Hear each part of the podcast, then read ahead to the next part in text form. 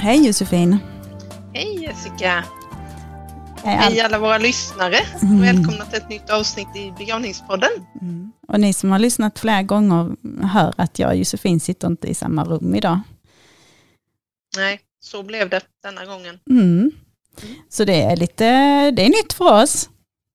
Ja, men det tror vi löser sig. Det känns som att jag är i studion fast jag inte är det. Ja, vad härligt. Vi ser ju varandra i alla fall. Ja, det Ja. gör vi. Och hör. Och nytt är ju också att vi har vår gäst på plats. Marianne Svensson från PWC. Välkommen hit. Tack så mycket. Auktoriserad eh, redovisningskonsult. Jajamensan, Mm. stämmer precis. Ja. Eh, Så idag kan man då räkna ut att vi ska prata om särredovisning.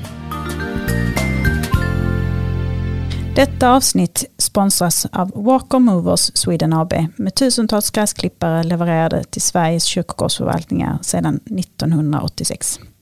Walker är numera en av Svenska kyrkans huvudleverantörer och de innehar ramavtal för en enklare inköpsprocess till fastställda avtalspriser. Sedan 2019 ingår även Raymond Electric i företagets produktportfölj. En innovativ gräsklippare med 100% eldrift som möjliggör en fossilfri grön ytskötsel. Vi tackar Walker Movers Sweden AB för att de sponsrar begravningspodden. Ja, Marianne Svensson, eh, du eh, har jobbat många år med särredovisning inom Svenska kyrkan. Absolut, jag har jobbat med särredovisningen sedan 2000, sedan det liksom introducerades när Svenska kyrkan och, och staten gick skilda vägar. När de blev särbos kan man säga. Ja, ja, särbus. Ja, men vi, Svenska kyrkan och staten har ju fortfarande vissa gemensamma eh, områden som begravningsverksamheten. Det var därför jag valde att säga särbos. ja, det var fint. Så att, eh, och jag har jobbat med det sedan dess och eh, jobbat på PVC sedan 2001 och stöttat församlingar och pastorat med bland annat begravningsverksamheten och även andra ekonomiska frågor. Mm. Och innan dess så satt du på församling. Innan dess så satt jag på eh, församling och jobbade som ekonom. Mm. Så att, och en liten församling där man sköter allt med fastigheter och begravningsverksamhet och ja, ekonomi och personalfrågor. Ja, Mm. Rubbet. Eh, Jag som eh, då inte jobbat eh, så mycket med liksom ekonomin på en församling eller pastorat då, skulle vilja mm, förklara det här med särredovisning på ett intäkts... Eller liksom se det från intäkterna. Mm. Och jag tänker mig det som tre olika pengapåsar. Man får in, eh, in pengar från eh, eh, begravningsavgiften som den här podden framförallt handlar om. Men sen får jag även, eh, eh, och, och de pengarna ska vi säga, de pengarna eh, ska, ju, ska ju gå till begravningsverksamheten Precis. och det är alla folkbokförda i Sverige som, Har, som, en, ja, som, som, har har en en, inkomst. som har en inkomst som är beskattningsbar till kommunal inkomstskatt. Mm. Det, det är ju det som är beräkningsgrunden så att säga för, även för begravningsavgiften Mm. och även för kyrkoavgiften så att säga. Men det är ju Ja, och den, bara medlemmarna som Ja, betalar det. precis. Och där kan man ju vara medlem i andra församlingar. Alltså i andra trossamfunds församlingar. Eh, och det dras också från, eh, från eh, skatte, eller på skatten. Kan det vara om de har begärt hjälp att få uppbörden. Mm. Det är inte med automatik, det är ju bara Svenska kyrkan som har det med automatik att man får hjälp med uppbörden. Ja, okej. Andra trossamfund måste begära att få den hjälpen. Ja. Och så då den tredje, eh, tredje pengapåsen som kanske inte är fullt lika stor men, och som inte är ett tvång. Eh, det är inte lagstiftat att eh, begravningsverksamheten även då bedriver en serviceverksamhet. Församlingen, huvudmannen erbjuder gravskötsel åt gravrättsinnehavaren. Och man tar betalt för att sköta deras gravplats helt enkelt. Mm. Ja, precis, för där säger du något intressant Marianne och lite för att förtydliga det du sa Jessica, att det är ju församlingen som har en frivillig, eh, frivilligt åtagande för att göra gravskötseln. Det är ju inte begravningsverksamheten som är skyldig att göra detta. Nej, absolut inte. Utan det är ju lite grann av hävd att man har eh, erbjudit det här med gravskötsel åt gravrättsinnehavarna. För innan 2000 så gjorde man det också men då var det ju liksom begravningsverksamheten eh, allt som allt ju.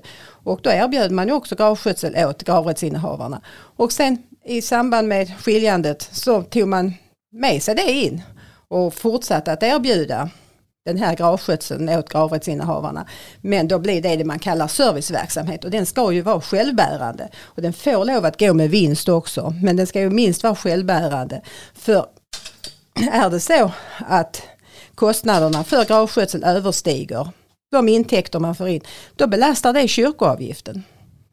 Och det sa vi precis innan vad det skulle användas till. Då nämnde vi ju inte gravskötsel så att Nej, precis. Så det är ju väldigt viktigt att den där går plus minus noll eller plus som precis, du säger. Precis, precis. För att det får ju varken belasta kyrkoavgiften eller begravningsavgiften. Mm. Den här modellen då av intäkterna har vi gjort en liten bild av som ligger på våra sociala medier. Så att man kan gå in och kika där. Eh, och vi hoppas att det gör er eh, lite klokare. Ehm, mm. Men det är det här som är grunden för särredovisning. Hur går då det till? Hur gör man? Hur gör man? Ja, för det första får man ju bestämma vad är begravningsverksamhet och vad är inte begravningsverksamhet. Och man kan ju säga, enkelt uttryckt så kan man säga att begravningsverksamhet det är den verksamhet som sker ute på våra kyrkogårdar och begravningsplatser. Och man kan säga när det allmännas ansvar i samband med en, eh, när en människa dör, när, när en människa avlider så har man ett eh, ansvar från staten, från det offentliga att ta hand om stoftet. Och det är det som vi i dagligt tal kallar begravningsverksamhet. Och då betalar ju som vi sa alla som är folkbokförda och har en inkomst som är beskattningsbar till kommunal inkomstskatt, de betalar ju den här begravningsavgiften som ska bekosta detta. Och det är ju den största intäkten på begravningsverksamheten. Och begravningsavgiften är ju gemensam för alla i hela Sverige förutom Stockholm och Tranås kommuner som själv eh, sköter begravningsverksamheten. Alla andra huvudmän har gemensam begravningsavgift från 2017. Så att alla betalar samma avgift var man än bor i Sverige. Och det är ganska nytt. Det är ju nytt för det är sedan 2017. Tidigare hade man ju en differentierad utifrån vilken huvudman som hade ansvaret för begravningsverksamheten. Mm. Uh, och det här, jag tänker att eh, man har då olika tjänster, man har olika eh, arbetsuppgifter i, i tjänsterna och ibland kan det vara väldigt lätt eh, för eh, att liksom säga att ah, men du, du, jobbar med detta och detta och, och därför är din lön kopplad till begravningsverksamheten eller församlingsverksamheten. Då. Eh, men, ehm, men väldigt ofta så har man ju delade tjänster som man säger. Mm. Vad, vad, vad innebär det att man har en delad tjänst? Det, och det är ju då oftast vaktmästarna som har den här delade tjänsten. Det kan ju vara andra också. Så att man jobbar kanske lite med begravningsverksamhet eller en större del med begravningsverksamhet. Vi har ju pratat om det här med gravskötsel, serviceverksamhet. Det är ju ofta en del som våra vaktmästare eh, jobbar med eller våra kyrkårsarbetare. Och det, då ska den ju delas upp. Är vi kanske ute på en ännu mindre enhet så har man kanske skötsel runt våra församlingshem. Och vissa vaktmästare de jobbar ju inne i kyrkan också. De jobbar både med begravningsgudstjänster och andra gudstjänster. Då ska det ju belasta församlingsverksamheten, kostnaderna för det. Och eh, man städar kyrkorna kanske. Ja, då ska det ju gå på en annan del och en annan verksamhet. Men det är ändå kyrkoavgiften som tar den delen. Men så den viktigaste delen när det gäller begravningsverksamheten det är ju att man delar mellan det som sker ute på kyrkogården som är begravningsverksamhet, det som är serviceverksamhet när man sköter gravskötselåtagandena och eh, den delen som sen vaktmästarna gör inne i kyrkan, till exempel vid en begravningsgudstjänst. Mm. Att det belastar då kyrkoavgiften. Ja, för det är ju ett väldigt vanligt missuppfattning på en del håll, eller har varit i alla fall, att en begravningsgudstjänst är begravningsverksamhet, men det är det ju inte, utan det är ju det är ju den kyrkliga handlingen och därmed församlingsverksamhet. Precis. Det, det, är bra att du nämnde det Marianne. För det är så lätt man gör den förväxlingen i och med att det heter begravningsgudstjänst. Mm. Där ordet begravning ingår ju så att eh. så, så om man har en borgerlig begravning, vad är man som, eh, vad är man då skyldig att tillhandahålla i vaktmästartjänsten så att säga? Eller? Ja, som huvudman för begravningsverksamheten så är du skyldig för att tillhandahålla dels en lokal där man kan ha den här borgerliga begravningen där man kan ha, alltså det är en lokal utan kristna symboler. Och eh, den ska ju rymma en normal stor begravning, kanske 40-50 personer ungefär. Och sen så är man ju skyldig kanske att ha en brandvakt, alltså just den delen. Men någon annan vaktmästartjänst är man inte eh, skyldig att tillhandahålla inom begravningsverksamheten. Mm. Utan eh, det får eh, de som anordnar begravningen tillhandahålla då. Mm. Utan det är en lokal och, som är normalstor. Mm. Och en, en, eventuell brandvakt om det behövs. Mm. Och varför jag tar upp det är ju för att då blir det också tydligare att se vad som är församlingsverksamhet, tänker jag. Om man förstår liksom. Mm. Mm. mm. Eh, är det något ja. mer grundläggande du vill berätta Marianne kring just det här med de olika intäkterna och kostnad, ja. verksamhetsuppdelningarna? Man kan väl säga som så att vi har ju sagt nu att vi har begravningsavgiften som den stora intäkten. Det finns ju andra intäkter också som tillhör begravningsverksamheten. Det kan ju vara, nu har vi varit inne på personal, att vi har kanske bidrag, för, alltså här arbetsmarknadspolitiska bidrag som eh, är för just den personal som jobbar ute på våra kyrkogårdar och begravningsplatser. Och då är det viktigt att den intäkten kommer till begravningsverksamheten till godo så att säga. Ja, just det. Mm. Och vi kan ju ha hyresintäkter, både interna och externa som ska vara till begravningsverksamheten. Och när jag säger interna så kan det ju vara att man fördelar kostnaderna för lokaler så att säga, eller man interndebiterar för lokaler. Vi kan ju ta det här som, eh, som vi tog upp precis med eh, lokal utan kristna symboler.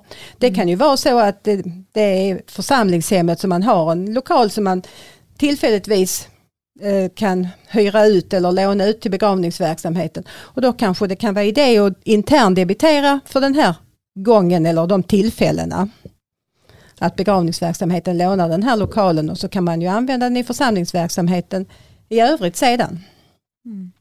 Ja, och motsatt läget om, om det är någon lokal som kostnadsförs till fullo på begravningsverksamheten men hyrs ut till församlingsverksamheten eller mm. någon annan extern part då som du nämnde så är det ju läge att debitera för det också. Precis, precis. Sen har vi ju det här med kremationsavgifter. De huvudmän som har krematorium. Huruvida det ska faktureras eller ej, därom skulle jag vilja säga tvista lärde. Okay. det, det har ju gått ut, man kan väl säga rekommendationer att man inte ska fakturera det mellan enheterna. Men, de, men en hel del enheter har ju fortsatt att fakturera för man tycker att man har bättre koll på sina kostnader och intäkter då på just kremationsverksamheten. Men, så att eh, det finns både och eh, med det. Mm. Det låter väl som att det är på väg mot att det inte faktureras ja. men eh, exakt vad som är hugget i sten ska vi väl låta vara osagt. Det skulle jag vilja låta vara osagt i detta läge men det viktigaste är att de huvudmän som väljer att inte fakturera eh, kremationsavgifterna då tar ut det i sin eh, budgetberäkning så att man tar höjd för de här eh, kostnaderna så man får in det via den gemensamma begravningsavgiften. Ja, just det, för det blir ju också eh, mindre viktigt att eh, fakturera mellan församlingarna när man har gemensam begravningsavgift. Precis, och det är ju där mm. bland annat man ska komma bort mycket av den administrativa hanteringen mm. och eh, underlätta det på det sättet. Mm. Mm. Och det är väl likadant samma tänk på det här med särskilda gravplatser när en del enheter inte har den typen av gravplatser och annan huvudman upplåter det så är väl också tanken att där kostnaden uppstår att den ska tas. Via den ja, precis vid den gemensamma begravningsavgiften. Där har det fortfarande också varit lite grann med fakturering men eh, det är också någonting som håller på att försvinna ut så att säga med, med tanke att man tar höjd för den gemensamma begravningsavgiften. Mm.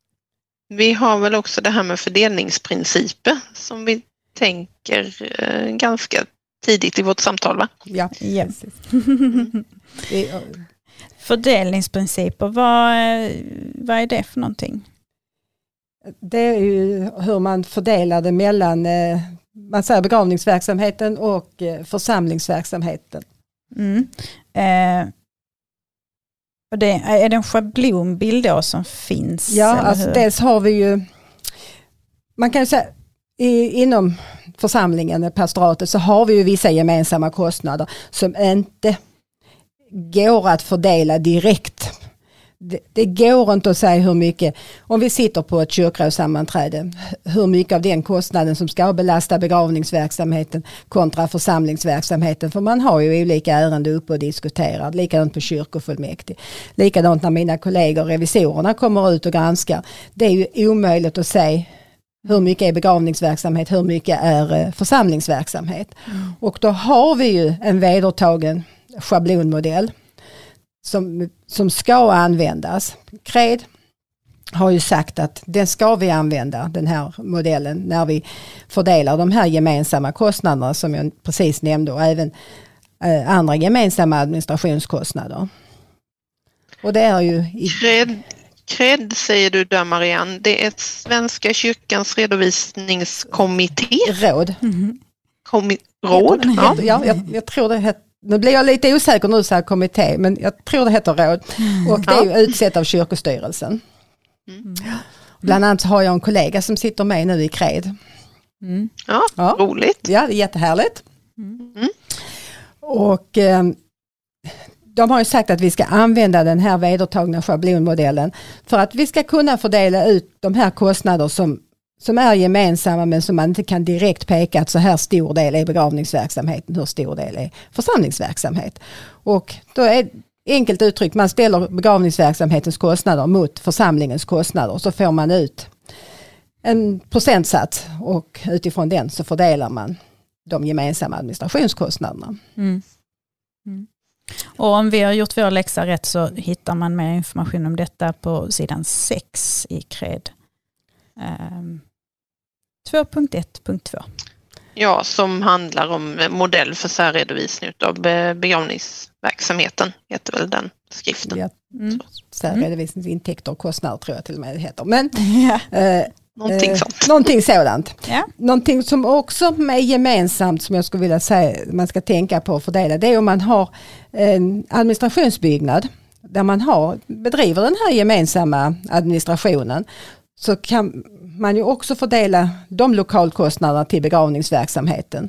Och då kan man ju till exempel ta att de här rummen där ekonomen, där kyrkoherden, gemensamma utrymmen som kopiator, kopiator, skrivare och så står och så ta hur många kvadratmeter det utgör och sen fördela det med hur många kvadratmeter som är hela lokalens yta och så ta de driftskostnader och fördela till den gemensamma administrationen som sen fördelas vidare till begravningsverksamheten.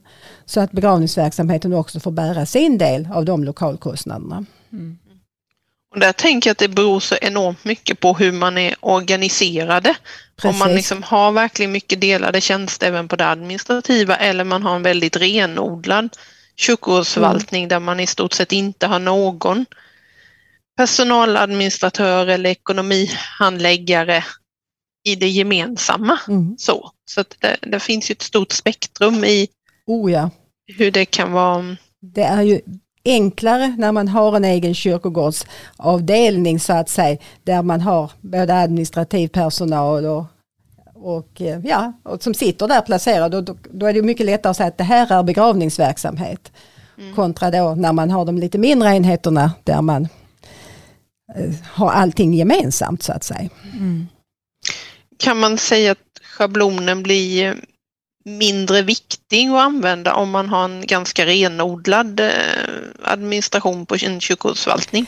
Eh, nej, det skulle jag inte vilja säga för du har ju ändå kostnader för kyrkofullmäktige, kyrkoråd, revision, kyrkoherdens ledningsansvar som ska fördelas till begravningsverksamheten. Mm. Och där är det den här schablonmodellen som, är, som gäller att man ska använda. Mm. Så att den blir inte mindre viktig men vi har kanske mer som direkt fördelas i de större enheterna. Mm. mm. Ja. Eh, hur upplever du det? Att det sköter sig församlingar och pastorat? Är de duktiga? Det har blivit mycket bättre. Ja. Och det är klart att allting har, nu har vi ju jobbat med det här i 20 år, så det är ju klart att i början på 2000-talet var ju allting nytt och mm.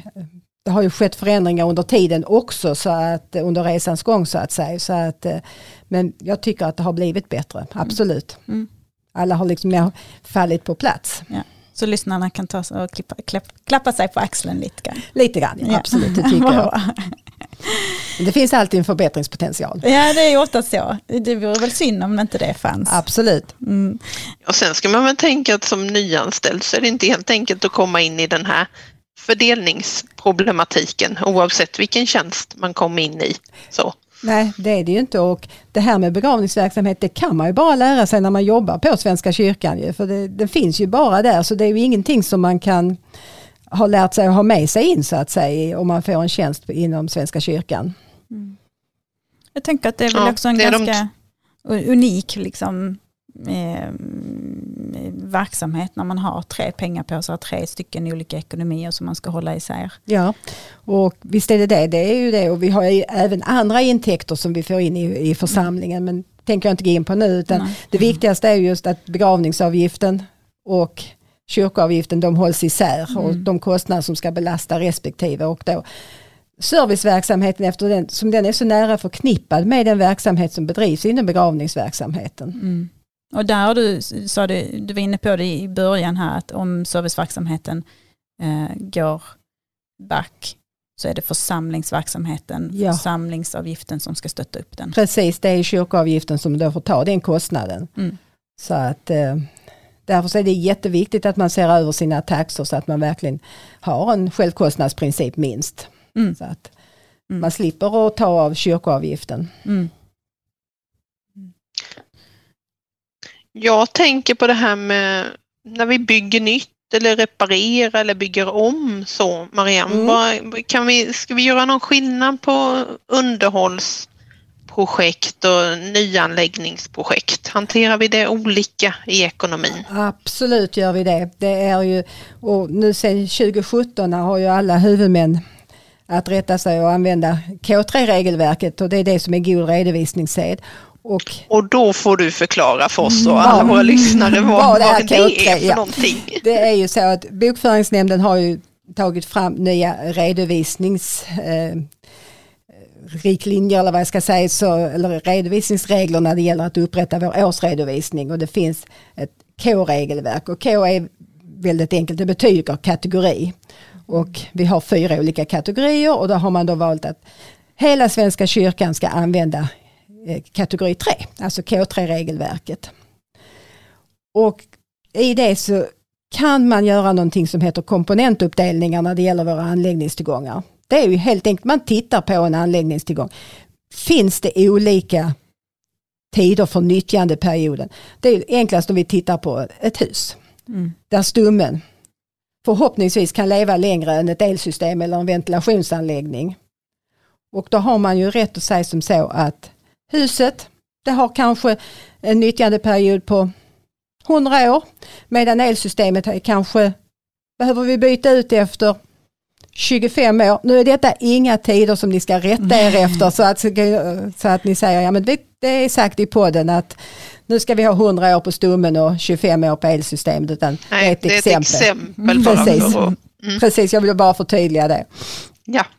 Och då har man ju efter 25 år möjlighet att byta ut det här elsystemet och så lägga det på nytt på, eh, på, som en anläggningstillgång och kunna skriva av det över 25 nya år. För hade vi lagt det på stommen så att säga, så vi har lagt allting på 100 år, då hade vi fått ta det som en underhållskostnad och tagit kostnaden direkt ju mm. i vår verksamhet. Mm.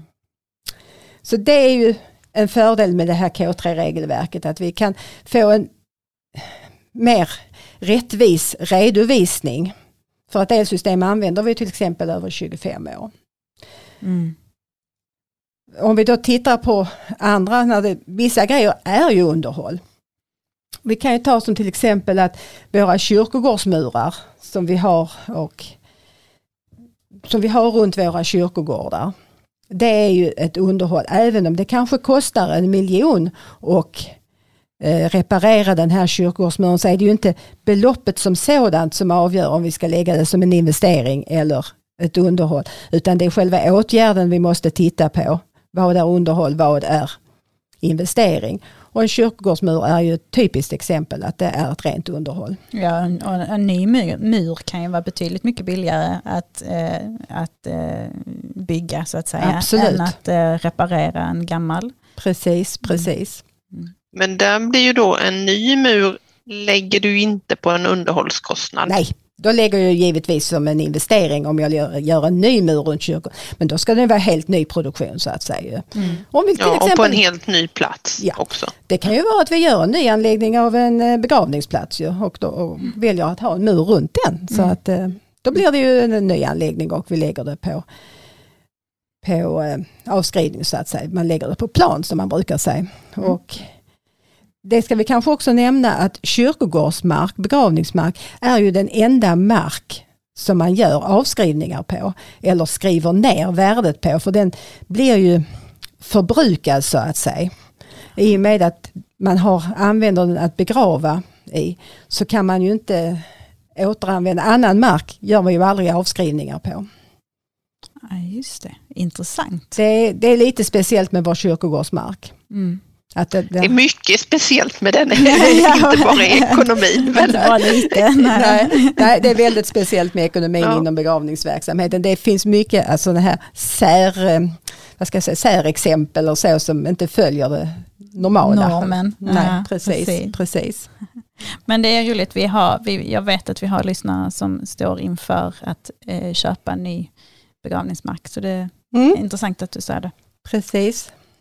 Jag tänker lite på att studsa tillbaka till det du sa där Marianne om eh, underhållskostnad på kyrkogårdsmurar. Mm. Det innebär egentligen att en, när man ska lägga en budget så kan det vara en rejält högre budget ett år kontra ett normalår. Ja. Så, så att man får någon slags puckeleffekt ja. emellan åren. Precis, precis.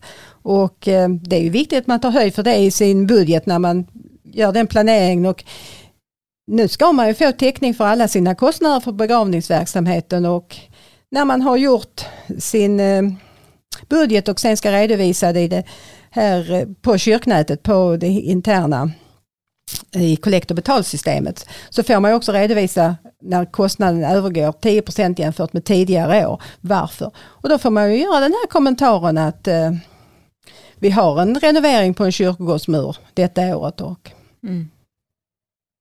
Det kostar ett antal mm. tusenlappar. Ja, det. ja, för där ligger ju en gräns på 10 procent. När, man när man måste motivera, ja, precis, när man måste motivera varför kostnaderna har ökat eller minskat. Och det kan ju komma året efter när man har kanske betydligt lägre kostnader på grund av att man inte har den här renoveringen. Och då är det ju samma motivering, fast tvärtom. Eller vad ska säga. Mm. Ja. ja, just det. Mm. Mm. Men, och det är framförallt nu efter, eh, efter 2017 när vi fick en gemensam begravningsavgift. Eh, och eh, innan kunde vi ansöka om kyrkoantikvariska ersättning. Men det gör man inte längre. Nej, det var ju så att den här kyrkoantikvariska ersättningen det är ju ett statligt bidrag som Svenska kyrkan kan få för att man underhåller inventarier och byggnader och fastigheter som är eh, av kulturhistoriskt värdefulla. Och tidigare så kunde man få bidrag till det också inom eh, begravningsverksamheten. Men eh, man sa sen när vi fick den begravning, gemensamma begravningsavgiften 2017 att då är ju alla i hela Sverige, eller nästan hela Sverige, med och betalar. Så att då så jämnas den kostnaden ut ändå mm. över alla i Sverige. Så att då valde man att ta bort den kyrkoantikvariska ersättningen just för, eh, just för begravningsverksamheten. Men den finns ju kvar på församlingsverksamheten. Mm. Ja, eh, alltså det här är så bra, jag lär mig så mycket. ja, eh, du hade någon fundering Jessica om arbetsvolymsmätning och tjänster och sånt tidigare. Vad var det du tänkte på? Ja, men jag, när, vi, när vi gick in på det här och, och pratade om liksom fördelningen så i och, med att, i och med att jag gör en del arbetsvolymberäkningar så kommer vi in på det här med tjänster och vilka punkter i arbetsvolym arbetsvolymmätningen som ska, som ska täcka vilka, eh, eller vilken eh, verksamhet som ska betala vad. Mm. Eh, och du har säkert stött på arbetsvolymberäkningar. Oh ja, absolut. Och det finns ju man kan säga att det finns två modeller för att redovisa tiden för de som jobbar inom begravningsverksamheten. Dels kan de ju lämna in en, en vanlig tidrapport, att man skriver upp vilka timmar man har jobbat med till exempel serviceverksamhet, gjort om gravskötseln och man har jobbat ute och räfsat gångar och klippt häckar och så och då är det begravningsverksamhet. Och då skriver man upp att så här så här många timmar har jag jobbat med det. Och så redovisar man det utifrån det. Men sen kan man ju också ha, även här ha en schablonfördelning. Att man har gjort en uppskattning om att så här många timmar jobbar vi med begravningsverksamhet, så här många timmar jobbar vi med eh, kanske gudstjänster inne i kyrkan, så här många eh, timmar jobbar vi med serviceverksamhet.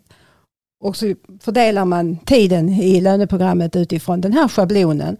Och då ska man ha gjort en volymberäkning tidigare och den ska göras minst vart femte år. Och det finns hjälp att få från Svenska kyrkan centralt. Alltså, eh, och de har mätningsmän, eller, som, eller män ska jag säga, kvinnor, personer mm som eh, kan stötta upp församlingar och pastorat med den här volymberäkningen. Mm. Så att man kan ha det som grund när man gör den här schablonfördelningen. Mm. Men det är ju jätteviktigt att man följer upp den också så man ser att den är rimlig. Så jag skulle vilja säga att man ska inte bara eh, luta sig tillbaka och säga att ja, nu har vi gjort den här volymberäkningen och det är den som gäller utan man får ändå stämma av det så att det känns rimligt. Mm. Och då, nu ska jag kanske säga någonting och, och lära mm. dig någonting Marianne. Ja. ja, ska vi se om det funkar? Absolut. jag och Josefin hade samtal med Christer Pettersson som sitter på SCAO och ja. är lite ansvarig för de här mätpersonerna. Så han säger nu att vart femte år eh, behöver vi inte göra det, utan vi ska göra det när det har hänt några förändringar. Okej. Okay. Mm. Mm. Lyckades jag? Ja, precis. Ja, men det känns väl rimligt också för att det kanske eh, för ofta att göra över femte år om man har ungefär samma verksamhet och det inte blir några större förändringar. Så att eh, det kostar en slant också att mm. göra det. Och sen kan det ju vara för sällan om man gör en organisationsförändring så kan man inte bara säga att vi gjorde arbetsvolymsmätningen för två år sedan så att Nej. den gäller fortfarande när man har förändrat eller byggt till eller ja, mm. vad man nu har hittat på. Så att vid behov är väl ett ganska bra mm. grej. Mm. Precis, precis. Men det får dock inte Men det är ju som du säger Marianne, Nej. man kan inte slå sig för bröstet, man måste ju följa upp det och se, stämmer mm. det här? Mm. Funkar detta i praktiken? Precis. Så. Och det är väldigt bra att göra detta tillsammans med personalen också så att, så att man, eh, man får med hur de jobbar. Det är svårt att bara komma utifrån som en en konsult och, och tala om för dem hur, hur de jobbar, utan det är ju de som vet hur de, hur de jobbar. Så att det, är, det är bara att göra en arbetsvolymberäkning tillsammans Det är jätteviktigt att man har med personalen också, för det är de som kan informera om hur de arbetar och vad de gör. Och mm. Kanske ungefär också göra en uppskattning om att hur lång tid det tar, så man kan ha det som hjälp. Mm, precis. Är det rimligt? För det finns ju en mm. hel del eh, arbetsuppgifter som inte har en en tidsfaktor mm. eh, kopplad till sig som eh, måste fastställas ihop med personalen. Mm. Så. Mm. Absolut. Precis. Um, ja, vi, hur, hur, fungerar sen granskningen av, uh, av den här särredovisningen? man kan ju säga att man har två olika granskningar. Dels har vi ju vårt begravningsombud som vi inte har pratat någonting alls om. vi har ett annat poddavsnitt eh, med begravningsombudet. Precis. Det, Men Jessica, vi pratar nog inte så mycket ekonomi i det poddavsnittet egentligen. Nej. Medan vi pratar lite hur eh, man granskar ju utifrån begravningsombudets roll. Så tar du det Marianne? Ja, jag tänkte bara säga väldigt kort om begravningsombudet att det, det är ju en person som är utsedd eh, av Länsstyrelsen för att eh, tillvarata icke-tillhörigas intresse när det gäller begravningsverksamheten i församlingar och pastorat. Mm.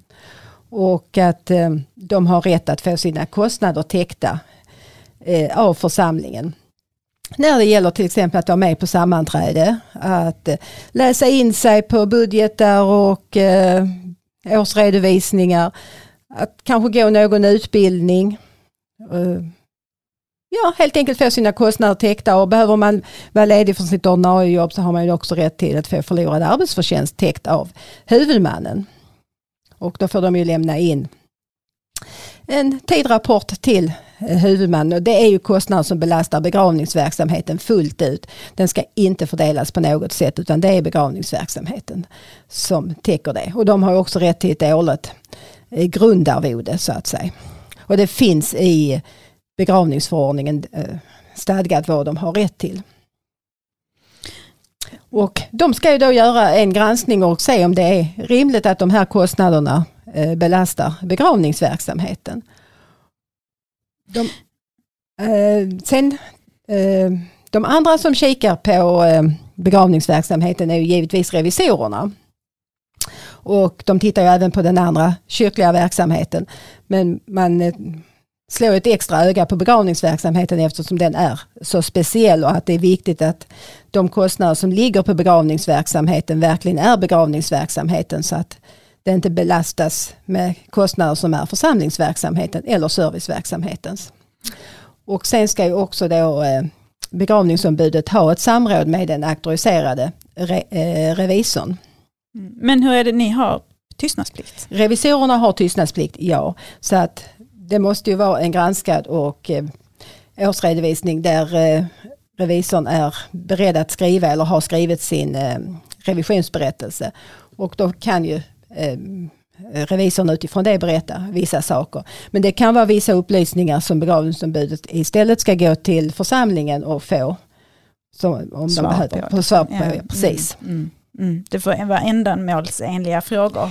Precis, Mm. precis. Och det finns eh, ett frågebatteri som jag har sett som Länsstyrelsen har eh, servat begravningsombuden med. Mm. Så att det brukar ungefär vara samma frågor revisorerna får. Jag tänker på det där med begravningsombudet har ju egentligen ingen tillsyn på gravskötsel och gravskötselkostnader. Däremot den gravskötseln som är före 2000 och Mm. det kanske vi skulle ta lite om också. Ehm, Mm. Att där finns lite avtal. Så nu blir de ju färre och färre, Ja, tack och lov. Men det finns ju några skötselavtal från före 2000 precis. För det, vi hade ju begravningsverksamhet även före 2000 och då hade också församlingarna tagit emot eh, medel för att sköta de här gravplatserna.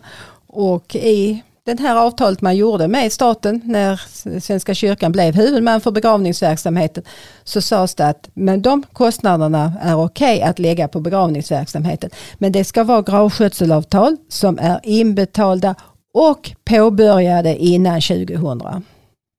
Det, jag har sett ute på församlingar och pastorat att man har tagit emot pengar före 2000.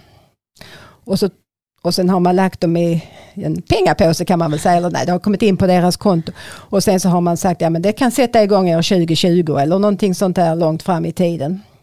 Det är så kallade vilande åtagande. Men det blir serviceverksamhet. Det kan aldrig bli begravningsverksamhet även om det är inbetalt 1998. Utan det blir serviceverksamhet. Och jag skulle vilja sätta ett stort rött kryss över sådana här vilande åtaganden. Det får absolut inte förekomma. Har vi tagit emot dem eller har församlingar och pastorat tagit emot dem så får man ju hantera det utifrån det. Men absolut inga nya vilande åtaganden. Och inga åtaganden om ett, som är på begravningsverksamheten tar slut att man fyller på det.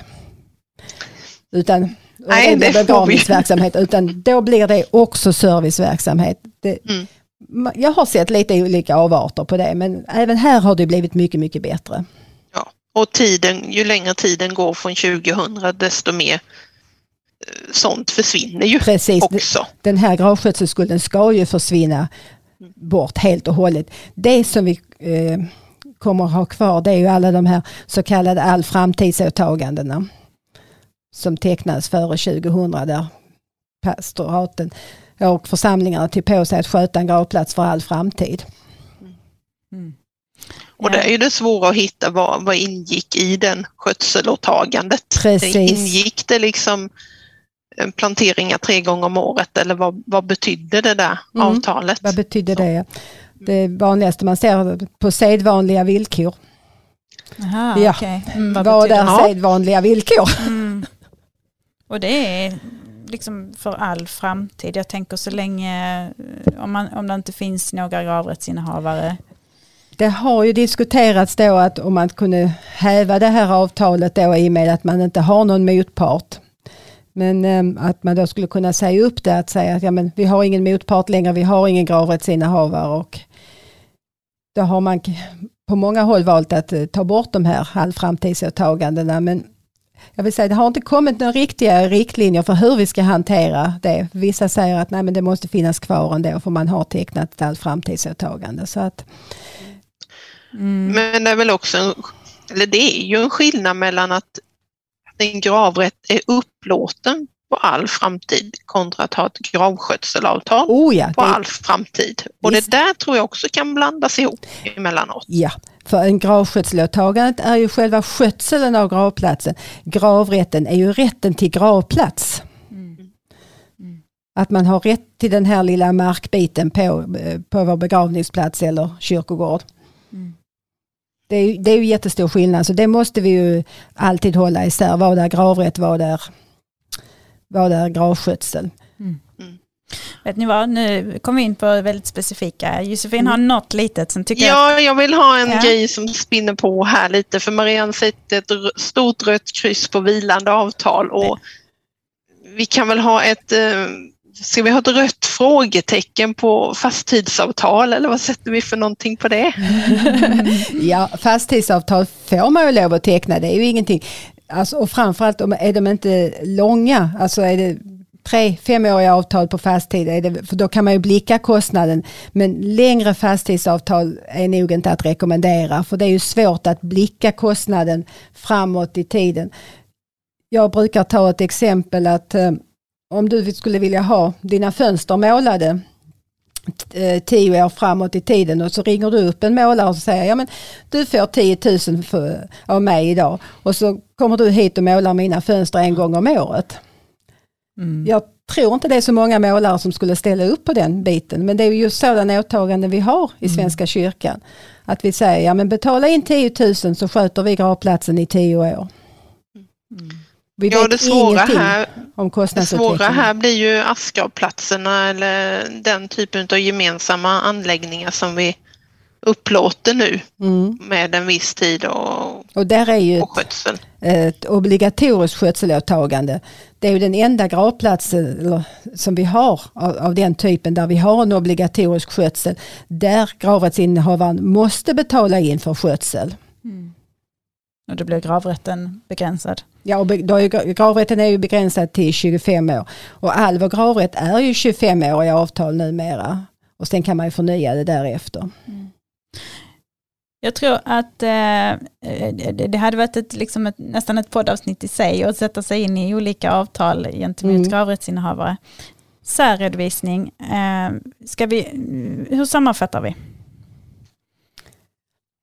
Ja, man kan ju säga att särredovisningen, det viktiga är att man fördelar kostnader. Det som är begravningsverksamhet ska belasta begravningsavgiften. Det som är eh, församlingsverksamhet, det ska belasta kyrkoavgiften. Eh, där är ju en sak inte vi har berört som jag också skulle vilja säga, det är när vi pratar investeringar. Mm. Finansieringen av investeringar. Mm. Att man har en plan för det. För att det är ju så att begravningsverksamheten är ingen juridisk person. Alltså får inte de äga några tillgångar. De får inte ha några skulder heller för den delen. Och då måste huvudmannen eh, bekosta alla investeringar. Om man ska köpa in en gräsklippare, eh, om man ska köpa in en trädgårdstraktor eller om man ska bygga ett nytt krematorium så ska det bekostas och betalas av huvudmannen. Och eh, är det en gräsklippare så är det ju en lite mindre investering.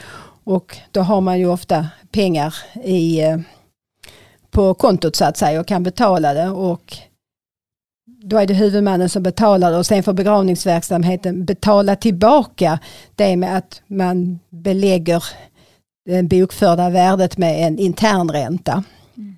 Vi har inte tid nu på att gå in på och berätta mer om det utan vi får bara acceptera att eh, begravningsverksamheten betalar en ränta för att man har fått den här gräsklipparen. Mm. Medan är det kanske ett stort krematorium som kanske går på en 90-100 miljoner att bygga ett nytt krematorium. Då kanske det inte finns pengar att eh, tillgå i eh, församlingens kassa så att säga. Utan man måste gå upp och göra en extern upplåning. Och eh, då har man ju rätt att belasta begravningsverksamheten med den ränta som församlingen får, lov att betala, får betala för den här externa upplåningen. Så man behöver inte använda schablonräntan som, är, eh, som man använder annars när vi till exempel har köpt en traktor. Utan här har man rätt. Så här skulle jag ju säga att det är viktigt att man har en planering och en framförhållning. Vilka investeringar ska vi göra på begravningsverksamheten kontra församlingsverksamheten? För det kan ju vara så att vi ska senare göra en investering på, eh, eller ett stort underhåll, det behöver inte vara en investering, på församlingen. Och då har vi inte pengar kvar i vår kassa för de har vi använt för en investering på begravningsverksamheten. Mm. Och måste låna upp till eh, församlingens verksamhet. Och då kan vi inte komma i efterhand och säga, ja men vi lånade ju upp till begrav eller betalade begravningsverksamhetens eh, stora investering med våra egna pengar.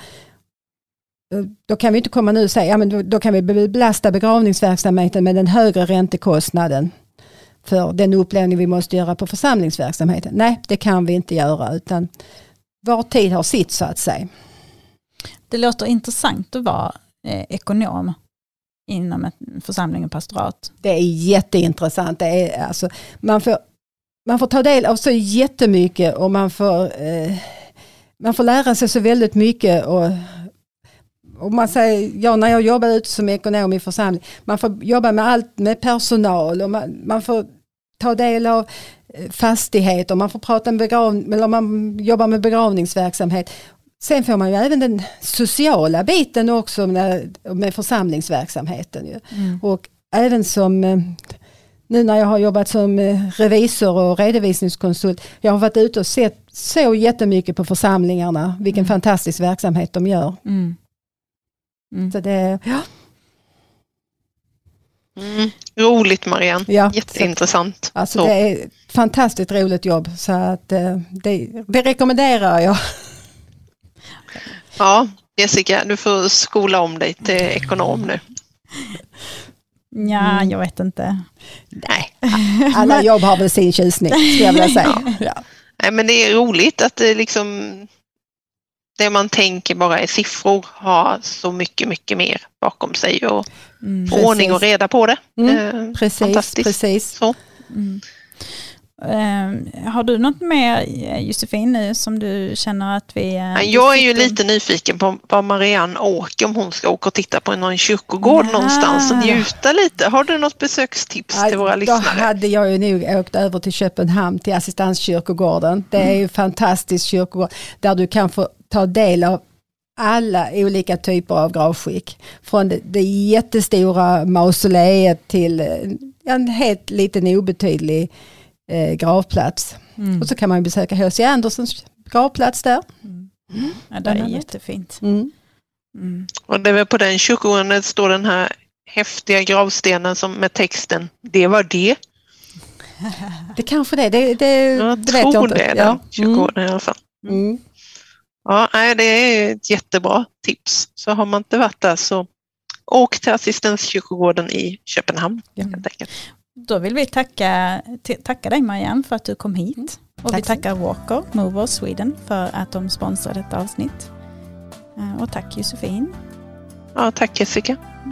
Tack så jättemycket för att jag fick komma hit och prata med Jättetrevligt. Roligt att ha det här.